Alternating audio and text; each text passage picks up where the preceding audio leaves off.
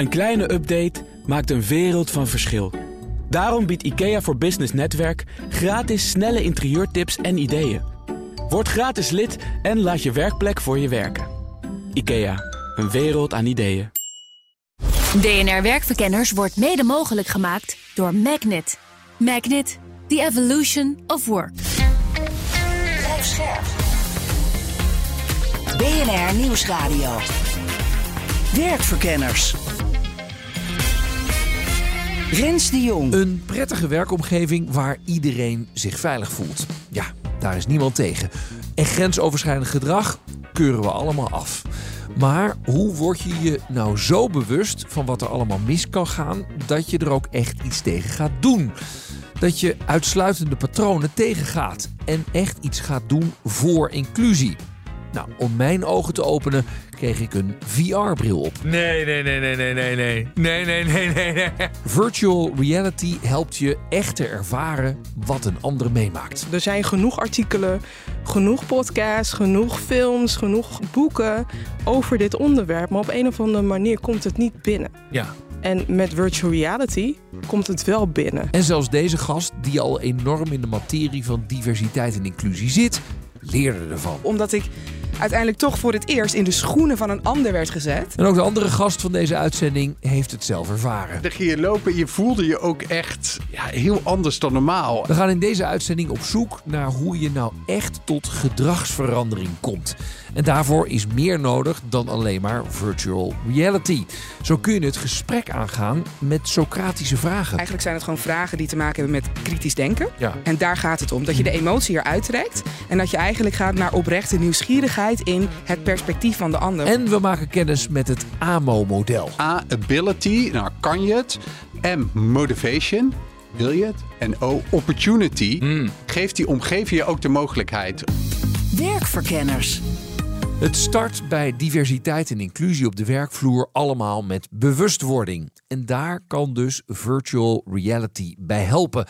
Mijn eerste gast zette me zelf aan het werk, of eigenlijk aan het ervaren. Mijn naam is Viviane Aqua. Ik noem mezelf de Inclusive Workplace Wellness Advocate. En in Nederlandse termen hou ik me bezig met diversiteit, gelijkwaardigheid en inclusie. Ja. Waarbij ik dan organisaties op dat gebied adviseer. En zo ook een beetje een spiegel voorhoudt, toch?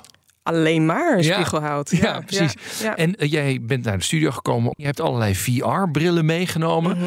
En je hebt mij ooit een gloedvol betoog eh, gehouden. Van Rens, dit moet je echt een keertje meemaken. Waarom eigenlijk? Veel mensen kunnen zeg maar niet bevatten wat diversiteit, gelijkwaardigheid en vooral exclusie voor de ander betekent. Mhm. Als je kijkt naar de thematiek rondom diversiteit, gelijkwaardigheid en inclusie, hebben heel veel mensen het gevoel van je dropt mensen in de Atlantische Oceaan en verzuip maar. Hoe bedoel je dat? Nou, als je kijkt naar alle thema's, je moet je inclusief opstellen, je moet bezighouden zeg maar met gender, je moet je bezighouden met Als werkgever bedoel je? als werkgever, maar ook als werknemer. Ja. En mensen weten niet waar ze moeten beginnen, zeg maar op het gebied van D&I. Deze VR-experience. Wat moet ik van tevoren weten om dit goed te kunnen plaatsen? Het VR-gedeelte gaat er meer om zeg maar, dat je jouw empathie ontgrendelt. En als je dat al hebt, dan gaan we die upgraden zeg maar, naar Ja. een ander niveau. Ja, ja dat ik eh, als toch eh, witte man, eh, Mhm. die denkt, nou ja, ik weet het niet precies hoe het werkt met discriminatie. En we doen toch ons best. Ja. Dat dan mijn ogen worden geopend. En ah, dit is het om gediscrimineerd, Ja. uitgesloten te worden, et cetera. Ja, ja, ik wil daarbij nog een kanttekening maken, want ik, ik snap al te goed zeg maar, dat er nu heel erg wordt gekeken naar de witte man. Ja, Mhm. ze zijn in de meerderheid, maar aan de andere kant, wij zijn allemaal biased. Ik Ja. ben ook een paar keer tegen het lamp gelopen, ook met, met, met het stukje VR, waarbij ik dacht van, ik dacht dat ik inclusief bezig was, maar wie nodig ik uit en wie laat ik toe? Oh. Ja, Het begint wel steeds spannender te worden, deze experience. Als mensen, want jij, jij hebt mensen die dit dan doen. Zijn het Ja. CEO's, zijn het HR-mensen? Wie zijn het? Verschillende mensen, maar voor, eh, we worden voornamelijk ingehuurd zeg maar, om leiderschap, leiders te trainen, leiderschapsteams. Want zij zijn wel zeg maar, de, de, de temperature makers. Eh, ze bepalen wel de temperatuur van een team, van een organisatie. En wanneer je daar begint en wanneer ze ook voelen hoe het is om buitengesloten te worden, zeg maar. Want je moet vanuit je ik beginnen. Mhm. En wat, wat deze experience doet, het activeert wat kan ik doen. Ja. Zetten dan mensen als ze binnenkomen meteen de dingen op? Of heb jij nog een soort inleiding? Nee, er is zeker een inleiding Wat voor. vertel je daarin? Maar de introductie die ik heb is: je krijgt straks een ervaring te zien. Ja. Waarbij het gaat over neurodiversiteit. En jij bent of jij ziet de ervaring van Laila. En Laila is een, een jonge dame, zeg maar, die op het spectrum van autisme zit. En de vraag is even: doet Laila mee? Alright. Ja. Ja, ik zet hem op. Het is nu nog helemaal donker. Oh ja, ik zie mensen op een feestje. Oh, oh my god. Oeh, het is best heftig, hè? Al het geluid. ik word ook gewoon gezegd, hè? She's on the spectrum. Ja, hallo. Hoe was het voor jou om dit mee te maken? Ik vond het wel heftig eigenlijk. Maar er is er nog eentje, toch? Ja, er is er nog eentje. Die gaat, zien? die gaat een niveautje. Een niveautje heftiger. Ja, ja. Hierbij ben jij zeg maar een zwarte vrouw. Oké. En je werkt in een restaurant. Ja. En je hebt een gesprek zeg maar met jouw eh, directe manager. Maar je hebt ook een gesprek met de manager van jouw directe manager, zeg maar. Ja, Kijk vooral om je heen. oké. Oh, fuck. Dit gebeurt toch nooit? Dit gebeurt dit echt? Oh, perf. Weet je wat ik wel heel heftig of bijna heftiger vond? Want ik had wel door waar dit ongeveer heen aan het gaan Mhm. was. Maar dat die man bleef staan. Dus ik zat daar heel klein. Helaas is dit voor eh, veel mensen, met name vrouwen, een eh, pijnlijke dagelijkse realiteit. Kijk, dus managers zien dit, mannen zien dit ook. Wat hoor jij dan als ze dit afzetten en et cetera? Wat, wat zijn de variaties in reacties? Verschillende reacties. Kijk, voor vrouwen, er zijn ook vaak vrouwen die niet mee willen doen, want zij maken dit mee. Maar ze vinden het wel interessant hoe de mannen hierop reageren. En soms krijg je van mannen te horen van... wauw, ik wist niet dat dit zo was. En eh, een ander ding is... er wordt heel makkelijk gezegd van... ja, waarom heb je niks gezegd? Mhm. Of waarom, weet je, deed je niks? Ja. Maar hoe voelde jij je? Nou, je voelt je wel redelijk snel. Ja, weet je, ik ben wel VR een vrouw, maar Ja. ik voel me een man. Kan? Dus ik Ja. heb heel erg zoiets van, ja, ben je een gast? Ja. Ik, ga nu, Ja. ik, ik zou gewoon opstaan en gewoon je beuk voor je hoofd geven. Precies zo reageren sommige mannen. Maar sommige mannen zijn ook verstijfd. Ja, ja, ja. Als in, wauw, ik wist niet dat het zo erg was. Ja, nee, maar, ik, ik, ik had de combinatie. Dus ik had niet, ik denk, ik wist niet dat het, dat het, dat je hoort me denk ik ook ergens zeggen, serieus, is dit echt? Ja, ja. Wat een pervert, Ja, weet je wel, dat dit echt gebeurt. En ondertussen, ik was er niet heel erg bang voor, omdat ik dacht, ja, Ja. eh, jij bent groot, maar ik ben ook groot, weet dat, je is, meer. dat is waar. Wat doet een VR-ervaring met je brein? Nou, dat wil ik weten van mijn volgende gast. Mijn naam is Marcia Goddard, ik ben neurowetenschapper en ik ben eh, gespecialiseerd in hersengedragsrelaties op de werkvloer. Wauw, hersengedragsrelaties, wat is dat? Nou, eigenlijk de relatie tussen wat gebeurt er nou eigenlijk in je hoofd en wat zie je daarvan terug in gedrag. En dat is in teamdynamiek en organisatiecultuur en zeker op het vlak van mentale gezondheid en diversiteit en inclusie een topic waar heel veel aandacht voor is de laatste tijd. Ja, nou, ik wil het precies hebben over wat er gebeurt er nou in de hersenen qua gedrag. En dan heb ik het over diversiteit op de werkvloer. Mhm. Ik heb een VR-bril opgehad om mij meer te laten inleven in iemands anders schoenen. Heb jij dat wel eens gehad of niet? Jazeker, absoluut. Ja. Hoe was dat voor jou?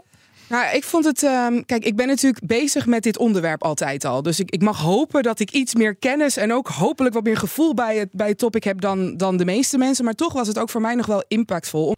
Ja. Ik heb zelf veel onderzoek gedaan naar autisme, maar dit was de eerste keer dat ik dacht: oh, zo ziet het er dus uit. Ja, En dat was wel heel erg bijzonder. En dat ja, raakt je ook. Dat raak je dan ook meteen? Ja, Ja, absoluut. Ja, het doet iets met je, omdat je waar je het normaal hebt over hoe het is, of je kijkt een documentaire, wat ook echt al heel veel kan doen met je emoties en je gevoel, is het nu. Maar nu sta je in iemands schoenen en je ziet hoe mensen naar je kijken. Je ervaart het echt alsof je die persoon bent. Ja, Ehm, eh, en was er nog iets nieuws? Kreeg je dan inderdaad echt iets nieuws binnen? Of is het meer gewoon de beleving?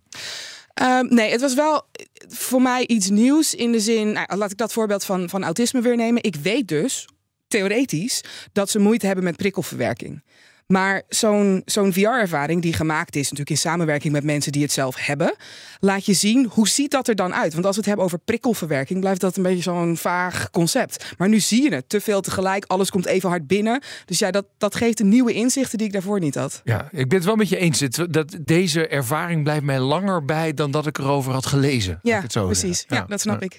Waarvoor zou je het allemaal kunnen inzetten? Nou, ik denk dat je VR heel breed kunt inzetten. Ik moet wel natuurlijk goed nadenken over: is het omdat het een toffe tool is of is het echt, draagt het echt iets bij? Ja. Dus als het gaat over het vergroten van begrip en bewustzijn en inlevingsvermogen om elkaar op de werkvloer beter te gaan leren begrijpen, de verschillen tussen mensen, dan denk ik dat het een hele zinvolle tool is om in te zetten. Mhm. Maar ik hoor je ook wel in een soort onuitgesproken bijzin zeggen.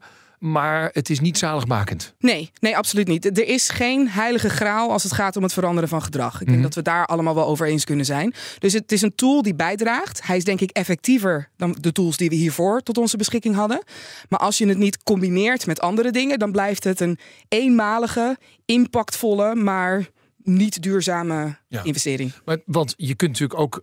hè, ik heb eh, eh, autisme heb ik gezien. Ik heb ook seksuele intimidatie gezien. Vond ik ook best heftig. Ja. Is dat dan inderdaad meer effectief voor mijn bereidheid om te veranderen als, Ja. als leider? Ja, dat, is het, dat vind ik het dus interessante aan die tool. Er is op Stanford veel onderzoek naar gedaan. Ze hebben daar een heel lab dat zich daarmee bezighoudt. En daaruit blijkt dat echt bijvoorbeeld stereotypering en alles wat daarmee gepaard gaat, het gedrag dat daarmee gepaard gaat, neemt af. Meer dan met andere tools, wanneer ja? mensen in een VR-ervaring hebben gezeten. Wat grappig zeg. En dat is natuurlijk wel, dat geeft je een heel belangrijk startpunt. Want als die openheid en welwillendheid er niet is, ga je niks bereiken. En dit helpt je om die deur open te breken. Ja, maar goed, dat is dan in, in de gedragsverandering moet je willen veranderen. Je moet kunnen veranderen. En je, en je moet aangezet worden tot verandering. Hè. Dat zijn Ja. volgens mij de, de elementen erin. Ja. Nou, met deze tool eh, wil ik misschien dan wel veranderen. Maar kan ik het ook? Ja, dat is een goede vraag. En dat is natuurlijk afhankelijk van de persoon. Kijk, eh, als het gaat over inlevingsvermogen, empathisch vermogen, dan zitten er verschillen tussen personen. De een heeft een wat langere weg te gaan dan de ander. Dus of je kunt veranderen. Nou, ik ben optimistisch genoeg om te zeggen: ja, iedereen kan veranderen. Ik ben ook realistisch genoeg om te zeggen dat die factor die je noemt, wil ik veranderen, is eigenlijk de cruciale daarin. Want als je het wel kunt, maar het niet wilt, gaat het sowieso niet gebeuren. Nee, maar als je wel wilt, maar niet kunt, gebeurt er ook niks. Heb je hulp nodig? Ah, heb ja. je hulp nodig? Ja, ja. En als de wil er is, dan kan je dus die hulp ook accepteren. Maar de vraag is natuurlijk, is VR ook een effectief middel om gedrag te laten veranderen? Mijn naam is Lars Stummers. Ik ben hoogleraar bestuurs- en organisatiewetenschappen aan de Universiteit Utrecht. Hou me vooral bezig met gedragsverandering, ook met leiderschap en stereotypen. Ja, nou, nou hebben we het vandaag over diversiteit op de werkvloer en et cetera, et cetera. En ik heb net een experience ondergaan met VR.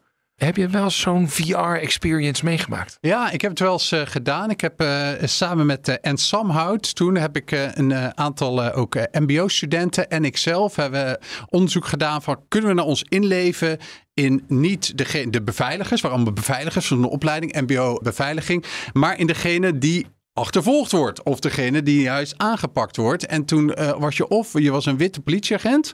Of je was een zwarte jongen die echt achterna werd gezeten door die politieagent. Dus ik heb het toen ook meegemaakt. En ik vond, eh, ja, je vergeet het nooit meer eigenlijk. Nee. Het is best wel indrukwekkend. Was je dan allebei of ben je de Ja, achter... je kon bij ons allebei zijn en dan konden we daarna meten in hoeverre je dan ook ja, meer empathie of meer gevoelens had voor beide kanten. Is er eigenlijk onderzoek naar gedaan? Naar zoiets als VR en dan de effectiviteit daarvan? Weet je Ja, dat? er is wel onderzoek naar gedaan. Eh, zelf ben ik geen expert op het gebied van VR, maar ik heb natuurlijk wel even goed gekeken welke onderzoeken er zijn. Het is zo dat VR echt kan helpen bij empathie ontwikkelen. Dus empathie is in dat geval het, het voelen alsof je seksueel geïntimideerd wordt of voelen alsof je immigrant bent. Maar er zijn wel twee kanttekeningen daarbij moet maken. Ten eerste moet je zelf voor openstaan. Ja. Als je zelf in die VR-ervaring gaat zitten en denkt, nou, ik ga er helemaal niet in mee en ik, ik moet dit van mijn werkgever en nou, het zal wel weer en straks gaan we gewoon normaal door, heeft het heel weinig effect. En ten tweede, je houding kan wel veranderen, kan wel positiever zijn, maar dat betekent niet dat je gedrag uiteindelijk ook echt gaat Oh, nee, veranderen. daar is meer voor nodig. Daar kan meer voor nodig zijn. Heel veel mensen zeggen van nou, ik heb een intentie om mijn gedrag te veranderen. Maar gedrag is eigenlijk best wel weer barstig, is best wel sticky. Dus uiteindelijk het gedrag veranderen is eh, veel moeilijker. De economen noemen dat ook wel cheap talk. Van je kan wel leuk praten dat je heel anders bent en heel anders eh, gaat doen. Maar uiteindelijk, de proof of the pudding is in the eating. Mhm. Gaan mensen echt hun gedrag veranderen. En er is ook onderzoek dat laat zien dat die motivatie wel verhoogt. Die empathie kan ook verhogen. Maar uiteindelijk het gedrag verandert niet altijd. Straks de vraag hoe je nou tot echt duurzame gedragsverandering komt. En dat begint bijvoorbeeld met het uitleggen en accepteren dat iedereen met hersenen automatisch ook vooroordelen heeft. Daarmee creëer je dus de veiligheid voor mensen om te zeggen: Oh, wacht, maar dit is hoe ik over dingen denk. En dat durven ze dan ter discussie te stellen. Rens de Jong. Maar eerst kom ik nog even terug op die bewustwording. Want met alleen VR ben je er niet, zo zeggen veel gasten. En daarom aan de initiatiefnemer van deze VR-ervaring, Vivian Aqua, de vraag wat er gebeurt na de VR-experience. De follow-up is, is dat jij zelf voor jezelf gaat bedenken van wat kan ik doen. Hmm. En de follow-up is ook aan, eh, nu beginnen we met de awareness training. Ja. Je hebt eerst dit nodig om even de aarde een beetje los te wikken. Net zoals de voorjaar, weet je, in de Ja. tuin, tuin eh, ready maken. En daarna gaan we zaadjes planten. Hoe kunnen we inclusiever aan de slag gaan? En de mensen die deze vorm van training vooraf hebben ge- gehad, ze praten er nog steeds over en zeggen zoiets van ja, dit, dit is voor mij eye-opener. Ja. Maar ook hoe, wat zij in hun eigen macht kunnen doen om dingen gedaan te krijgen. Je kan als leidinggevende, maar ook als individuele medewerker, kan jij zeker wat doen. Ja, ja, dus het is, het is meer van. Dit is niet om de predators zelf om te praten dat ze het niet meer moeten doen. Nee, maar het is nee, het is gewoon om, om, te laten zien van Ja. treed op Ja. als, als dit gebeurt. Als je het gevoel hebt Ja. dat het gebeurt, zie hoe heftig het is en duw het niet weg van ach, het zal wel niet zo bedoeld zijn. Soms heb je zo'n onderbuikgevoel van je ziet iets gebeuren. Zoals dat meisje dat wegliep. Zeg maar, ze zag iets gebeuren en ze wist al bijvoorbeeld al van dit is niet pluis. Loop je dan weg? Of zeg je er iets van? Of neem je de persoon in bescherming van joh, ik blijf erbij zitten. Hoogleraar bestuurs- en organisatiewetenschapper Lars Tummers geeft een alternatieve methode om met bewustwording en gedragsverandering aan de slag te gaan. Een andere strategie is wat ze noemen sidelining bias. Het is simpel, iedereen heeft biases. Iedereen heeft vooroordelen. Ik heb vanochtend nog een testje gedaan van impliciete associatietest. Die kunnen mensen thuis ook doen. Op, eh, als je dat gewoon intypt van Harvard, implicit.harvard.edu. Dus, dus dat kan je opzoeken. En dan, ik heb gedaan eh, zwart-wit. Zwarte mensen, witte mensen. Goed, slecht. Mhm. En het bleek dat ik een lichte neiging had om witte mensen positief te beoordelen. Ja. Heel veel mensen hebben dat. En daar, kan je, eh, daar kan je heel erg tegen ingaan en proberen trainingen te doen om dat te verminderen. Is waarschijnlijk niet zo effectief, maar er is ook een andere manier. Want naast dat je misschien eh, deels bevooroordeeld bent, kan je ook zeggen: nee, ik heb ook andere kenmerken. Bijvoorbeeld dat ik eh, empathisch kan zijn of dat ik eh, een, goed voor de wereld wil zorgen. Als je je juist daarop richt, Mhm. en niet op die andere Dat kenmerken. negatieve kenmerk. Die negatieve kenmerken. Die negatieve kenmerken zet je de sideline zet je even op de bank. Ja. En die positieve kenmerken die je ook hebt, die zet je naar voren en die activeer je. En hoe doe je dat dan? Nou, eh, ze hebben bijvoorbeeld onderzoek gedaan in de Verenigde Staten bij eh, docenten. En die bijvoorbeeld zwarte jongeren eh, discrimineren. Ja. En dan kan je zeggen, nee, je moet niet discrimineren. Je moet ze gelijk behandelen. Je kan ook zeggen, nee, er zijn bepaalde mensen in jouw groep, in jouw leerlingen, die hebben problemen. Die wil ik helpen. En, en dat ze voor een grotendeel zwart zijn of zo, dat benoem je niet zo erg. Mhm. Je gaat veel meer op van jij bent een docent die leerlingen wil helpen. En die positieve kwaliteit, die stimuleer je. En dat laten zien door die kenmerken te versterken, krijg je echt veel positieve effecten. Is dit dan ook, je moet eigenlijk niet proberen te sleutelen aan die bias, maar veel meer aan het systeem eromheen, zodat mensen veel meer in de mogelijkheid zijn om andere beslissingen te nemen? Ik denk dat dat eigenlijk de beste samenvatting is. Ik had ook nog die longer shortlist, die is misschien ook wel leuk. Vertel, vertel over de longer shortlist. Nou ja, je hebt sommige professies, bijvoorbeeld in de techniek, die zijn heel erg gedomineerd door mannen. Mhm. En de vraag is nou, hoe krijg je daar nou meer vrouwen? Ja, meer diversiteit. Meer diversiteit. En ehm, een idee daarbij is om te zeggen: nee, ik neem alleen maar vrouwen aan. Hebben Technische Universiteit Eindhoven heeft dat geprobeerd. Hè. Die heeft gezegd: van, ja, we zetten echt de vacatures voor een deel van de tijd alleen maar open voor vrouwen. Nou, dat is een redelijk eh, extreme maatregel. Heeft ook allemaal problemen eh, opgeleverd. Maar je snapt wel de rationale erachter. Een wat minder extreme maatregel is de shortlist langer te maken. Dus, dus de, je kan bijvoorbeeld zeggen: kan jij drie eh, mensen opnoemen die voor CEO zouden kunnen opgaan. En dan denk je waarschijnlijk in zo'n professie aan drie mannen. Ja. Dan zeg je nee, probeer er nu tien. Ah, En je maakt dus die, die, die, die, dat lijstje van potentiële kandidaten groter. Waardoor je dus breder moet gaan denken en in bepaalde professies waar bijvoorbeeld mannen dominant zijn, krijg je dus meer vrouwen. En andersom ook. Hè, in, in, in Ja, omdat je gewoon zegt, ja, de, de pool moet groter zijn. Hoe moet groot, dus je moet eigenlijk breder gaan nadenken dan degene waar je meteen aan denkt. En ook neurowetenschapper Marcia Goddard denkt mee over een andere aanpak. Een hele goede training kan ook een goede manier zijn. Mhm. Een hele goede documentaire kijken. Hoe gek het ook mag klinken, als hij iets met je doet, hij, hij wekt een emotie op. Een echt goed in elkaar gezette documentaire levert een emotie op, waardoor je denkt: dit is verschrikkelijk, ik wil hier iets aan doen. Mhm. Als je daarna handelingsperspectieven biedt, dus als je mensen daarna tools geeft voor wat ze dan kunnen doen, dan gaat het effectief zijn. Maar die handelingsperspectieven zijn wel cruciaal. Dus tips, trucs, hulp, gesprekken voeren, coaching, dat soort zaken, die moet je wel allemaal met elkaar combineren. Omdat mensen anders blijven zitten met dat gevoel, ik vind dit verschrikkelijk. En dan op een gegeven moment zeg je brein, oké, dit is zo verschrikkelijk, ik ga me hiervoor afsluiten. Ja, ja. Dan kan er toch niks aan doen. Het is een beetje wat ik heb met kli- klimaatverandering. Dat ik elke keer denk, ja, ik wil dat er iets gebeurt, maar wat? Weet je Ik snap je Ja, helemaal. ja, Ja, ja, ja, absoluut. En als je het nou hebt over handelingsperspectief, wat is er dan allemaal? De mogelijkheden zijn eindeloos. Mhm. Eh, als je kijkt naar de technieken die ik zelf vaak gebruik in mijn werk, als het dus het bewustzijn is er, de bereidheid is er, laten we in gesprek gaan, dan is de kwaliteit van het gesprek natuurlijk doorslaggevend. Want het begint met praten, daarna ga je toepassen.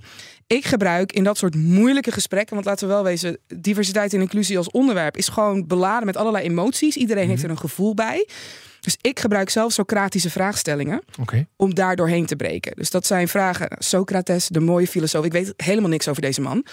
Maar ik weet wel dat hij heel goed was in vragen bedenken. Ja. En die Socratische vragen. Waarom zeg je dat? Wat is de gedachte erachter? Heb je bewijs voor je, voor je stelling?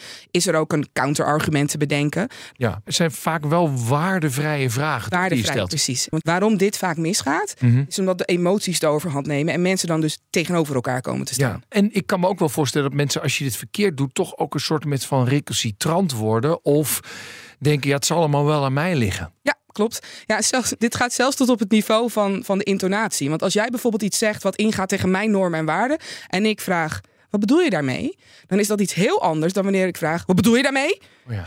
Ja, De ja, toon? ja, ja, ik zie. Zet letterlijk de toon. Ja. ja, dus daar, die interventie daar is nog wel soms lastiger. Omdat je inderdaad echt een goede toon moet aanslaan. Ja, en het, het, het klinkt een beetje lullig om te zeggen, maar de mensen die zich met dit onderwerp bezighouden, hebben in die zin eigenlijk net iets meer empathisch vermogen nodig dan de ander in het gesprek. Dus degene die moet veranderen, die heeft een bepaald niveau van empathisch vermogen. Maar eigenlijk moet je alsgene die de ander tot verandering aan wil zetten, of Ja. het nou een intern persoon is of een DNI-consultant, maakt niet uit. Die heeft net iets meer empathisch vermogen nodig om te begrijpen waar is die persoon op dit moment en hoe kan ik naar hem of haar toekomen om hem deze kant op te brengen, Ja. in plaats van proberen te sleuren. Hey, maar dat is interessant. Gebeurt dat dan veel? Dat, dat we toch lopen te sleuren aan mensen?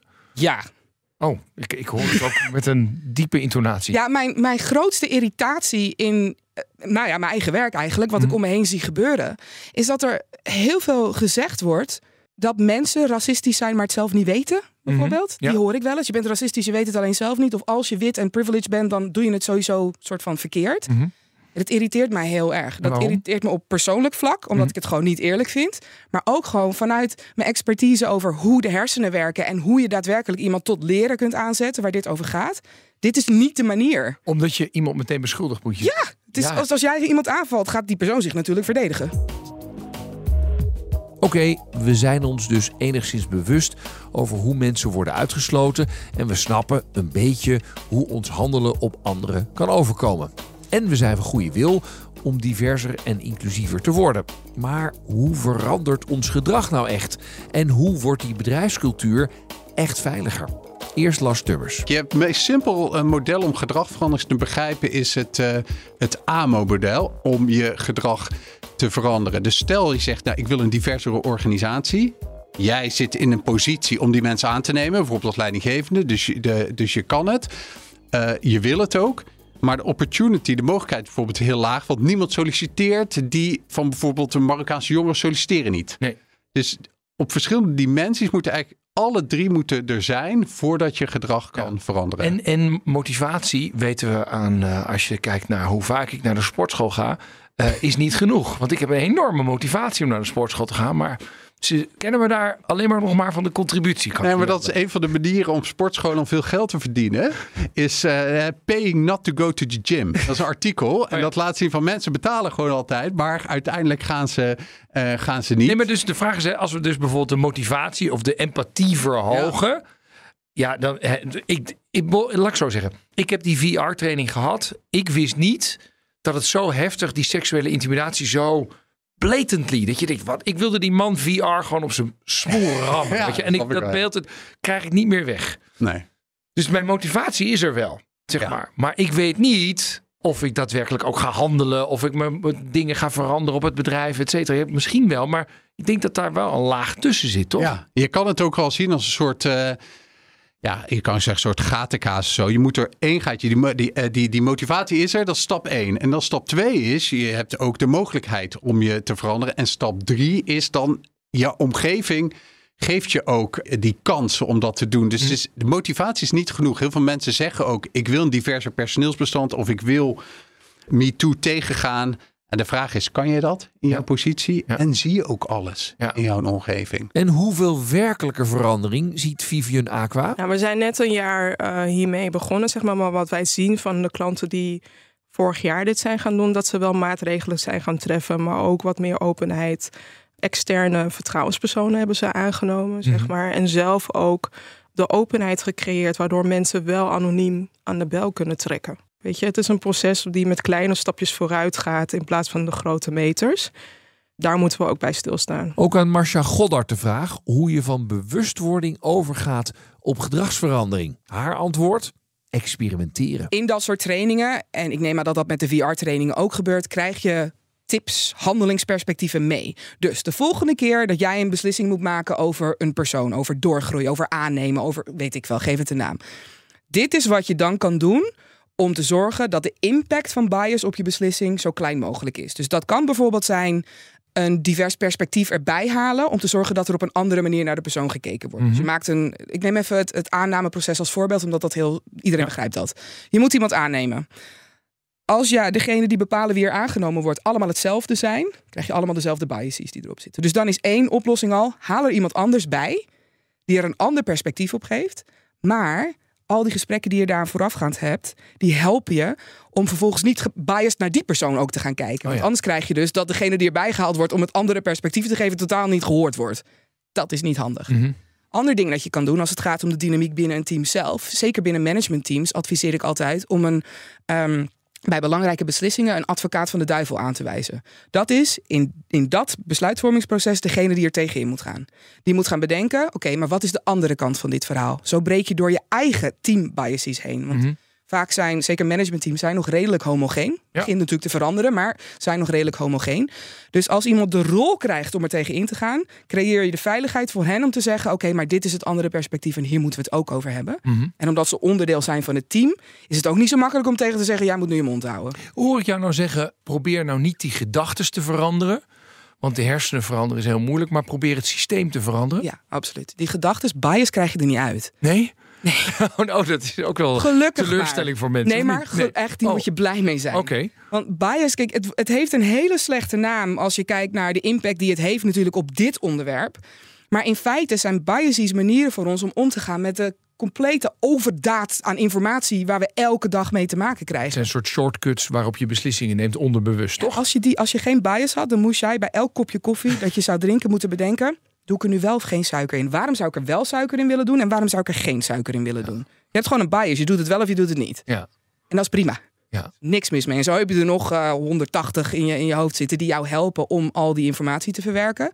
Dus die ga je niet uitkrijgen, maar de impact ervan kun je wel verminderen. En lukt het om die systemen te veranderen? Als je, als jij langs bent geweest, je hebt training gegeven, je Socratische gesprekken gevoerd. je zegt, nou jongens, daar, daar, laat, laten we de systemen eens veranderen. Blijft dat dan plakken of niet? Soms wel, soms niet. Oh ja. En ik kan vaak wel ook na een tijdje, als ik ze twee of drie keer heb gezien, kan ik wel bedenken of, of het gaat lukken of niet.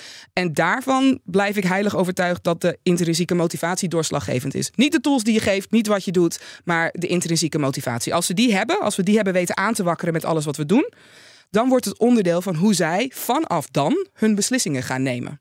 Nou, al- Als mensen denken, ja, het moet van de maatschappij, maar zelf ben ik er nog niet heel erg van overtuigd. Wat moet je daar dan mee?